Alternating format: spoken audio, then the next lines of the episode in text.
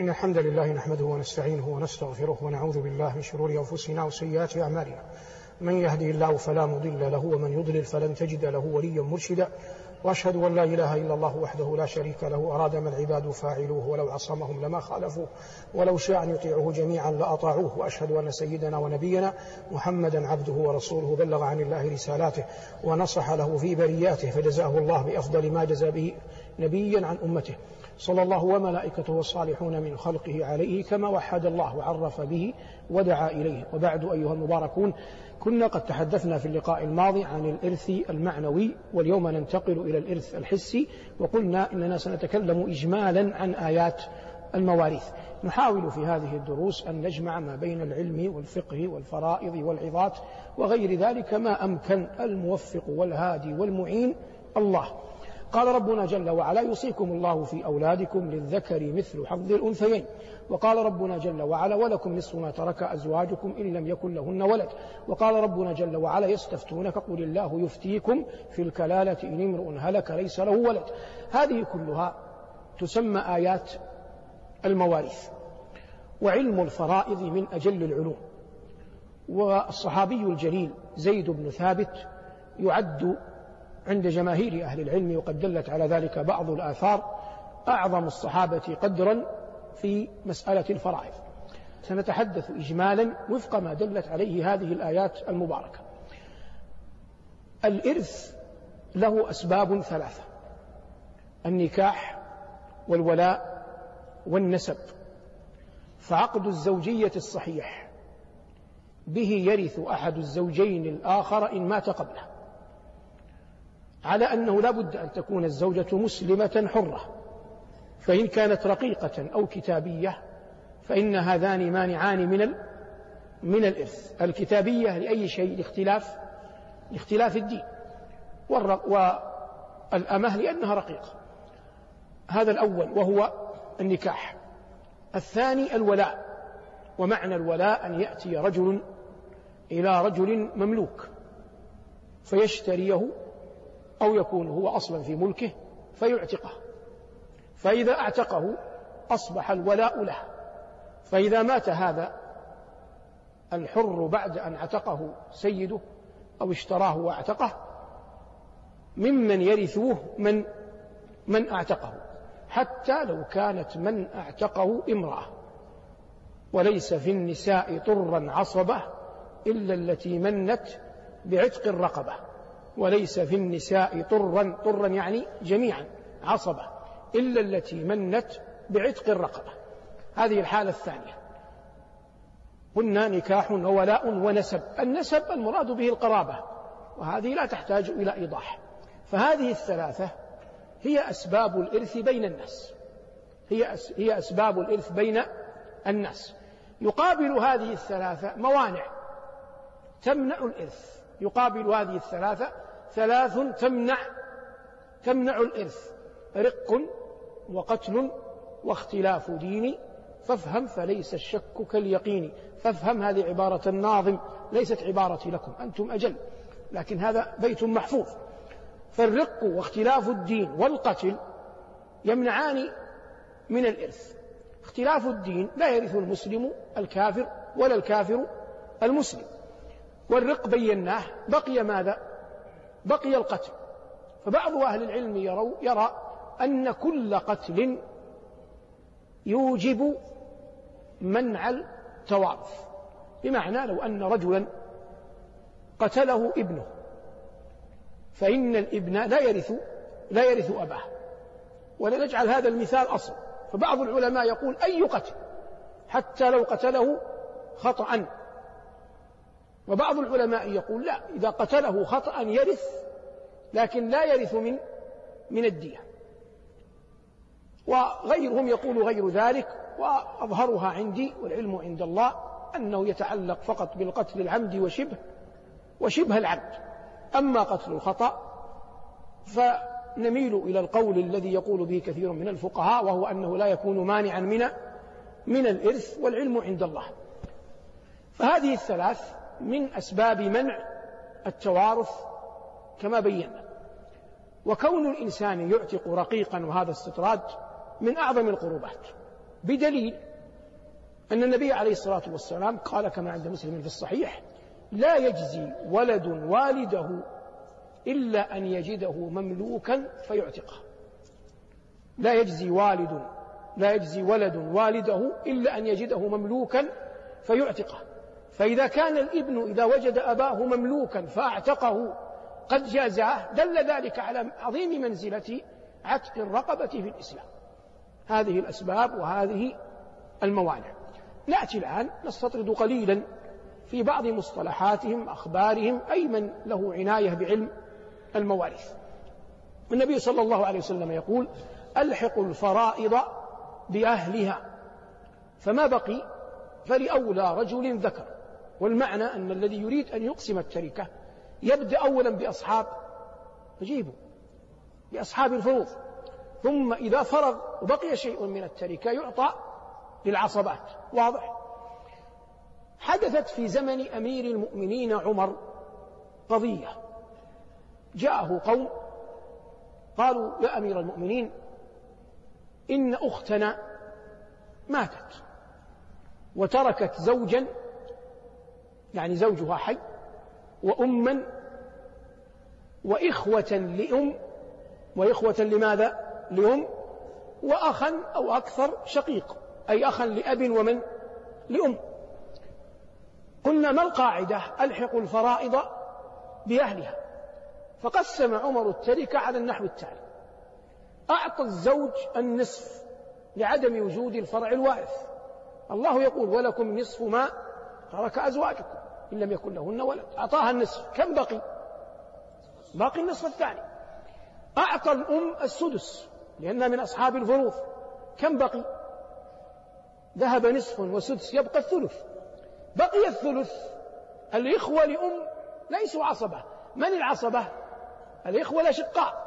لكن الإخوة لأم أصحاب ماذا؟ أصحاب فروض. فأعطاهم الثلث. يستوي فيه الذكر والأنثى.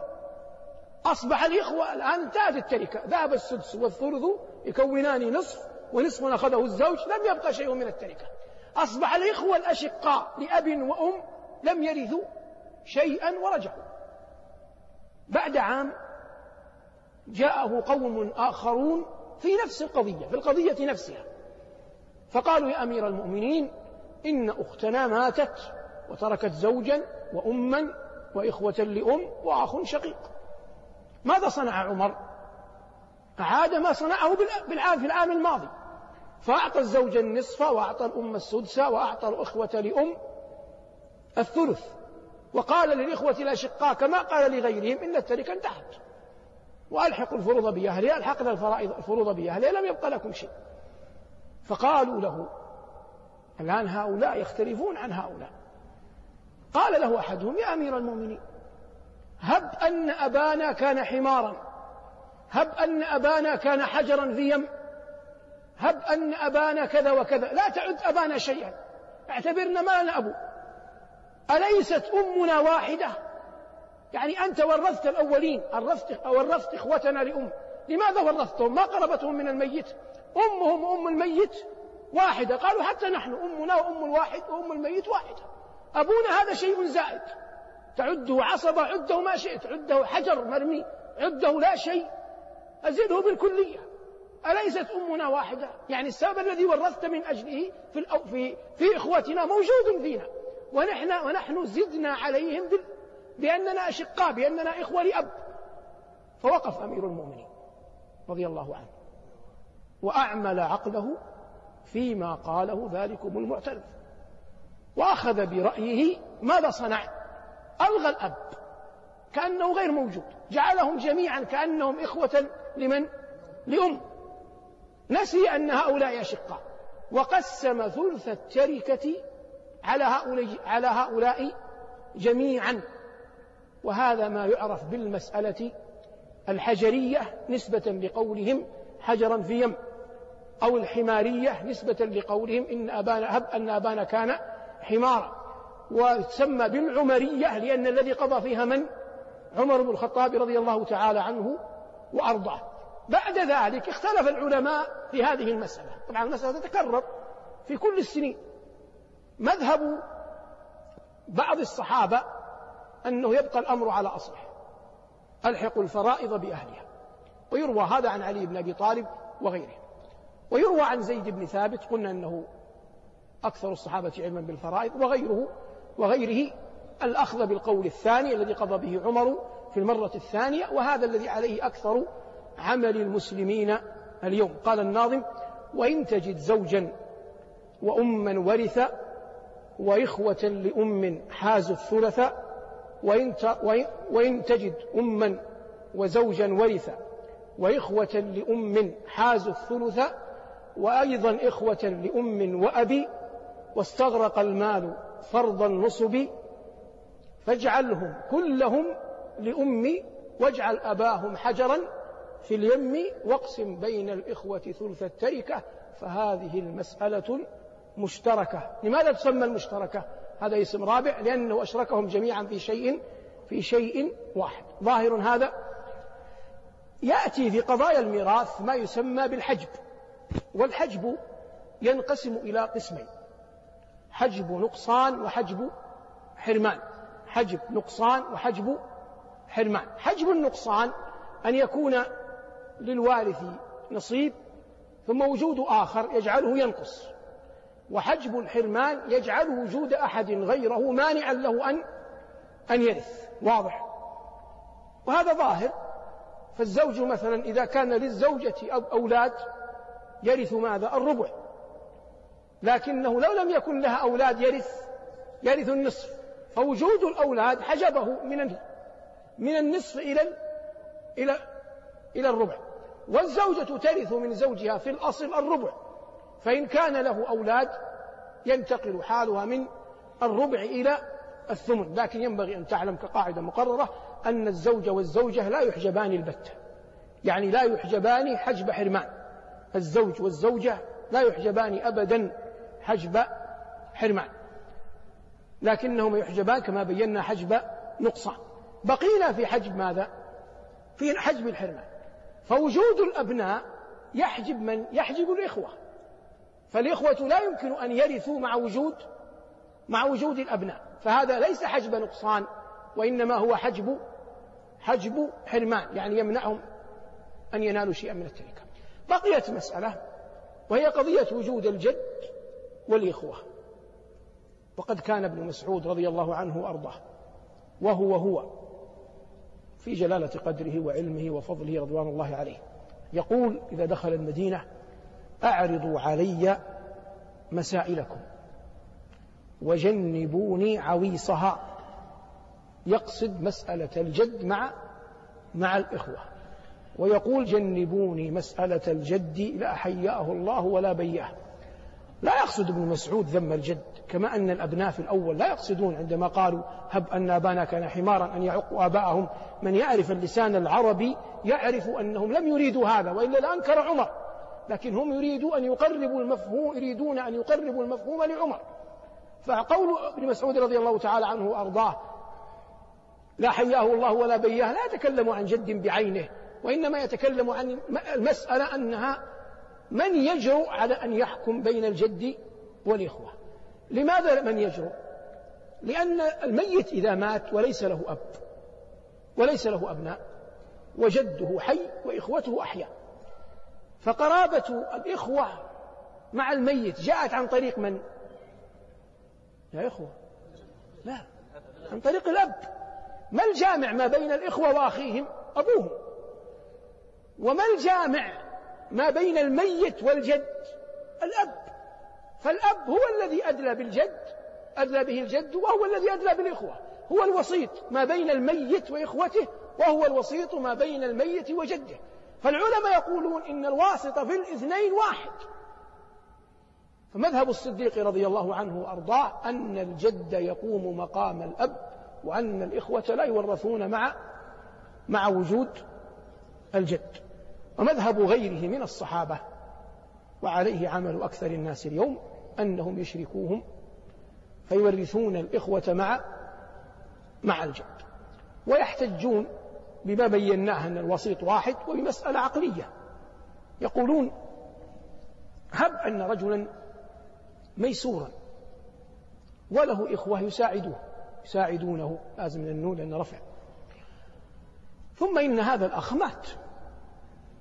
وأبوه ميت من قبل. فلو أخذنا بالرأي الأول المال كله يذهب لمن؟ أو المال يذهب لمن؟ للجد.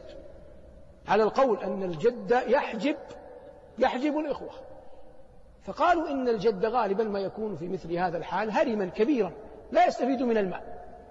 وهؤلاء الإخوة الوسيط بينه وبين الميت هو الأب كما هي الواسطة ما بين الجد والميت.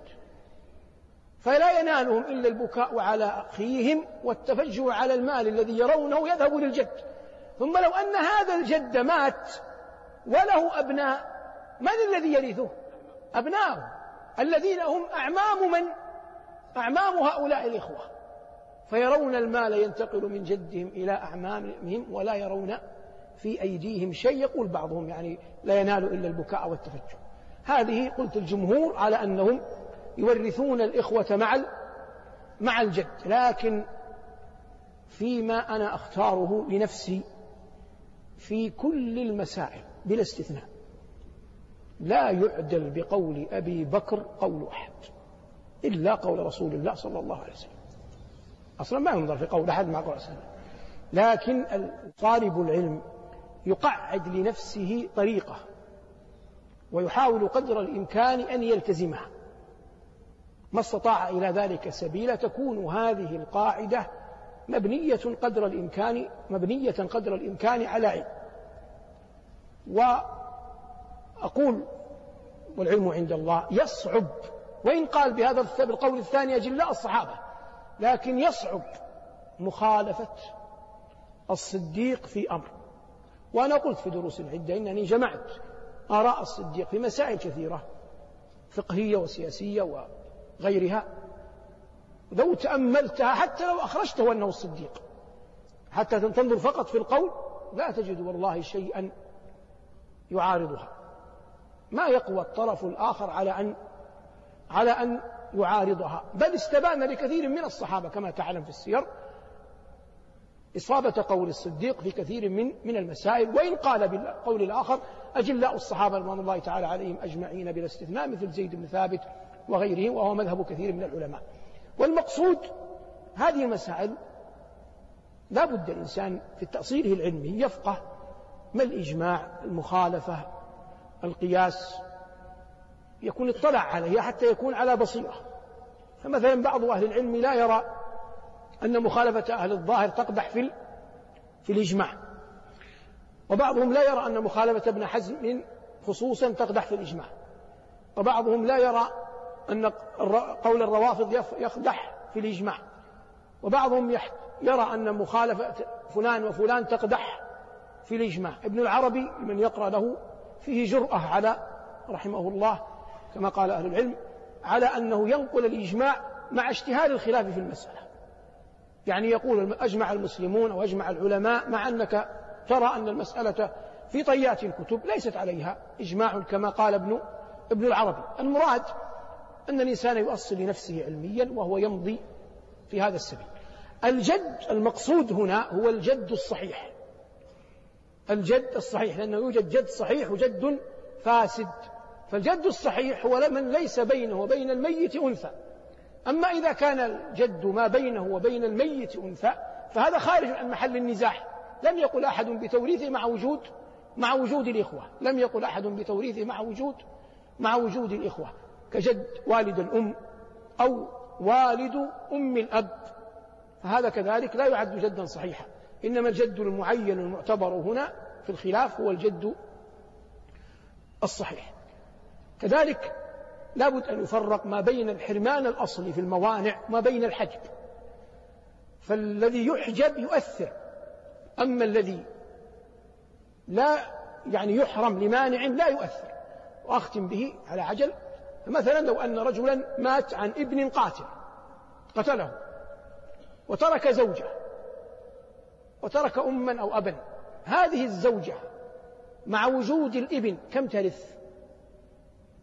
الثمن ترث الثمن لكن لأن الإبن هنا قاتل لا يعتد بوجوده أصلا فترث ماذا؟ ترث الربع كأن الإبن غير كأن الإبن غير موجود هذا بعض ما يتعلق بالمواريث ولا ينبغي أن تعلم أن أمور المال ثلاثة كلهن قضى الله فيهن ولم يكلها إلى أحد الصدقات والمواريث والغنائم الصدقات والمواريث والغنائم تولى رب العالمين قسمتها والعلم عند الله وصلى الله على محمد وآله والحمد لله رب العالمين.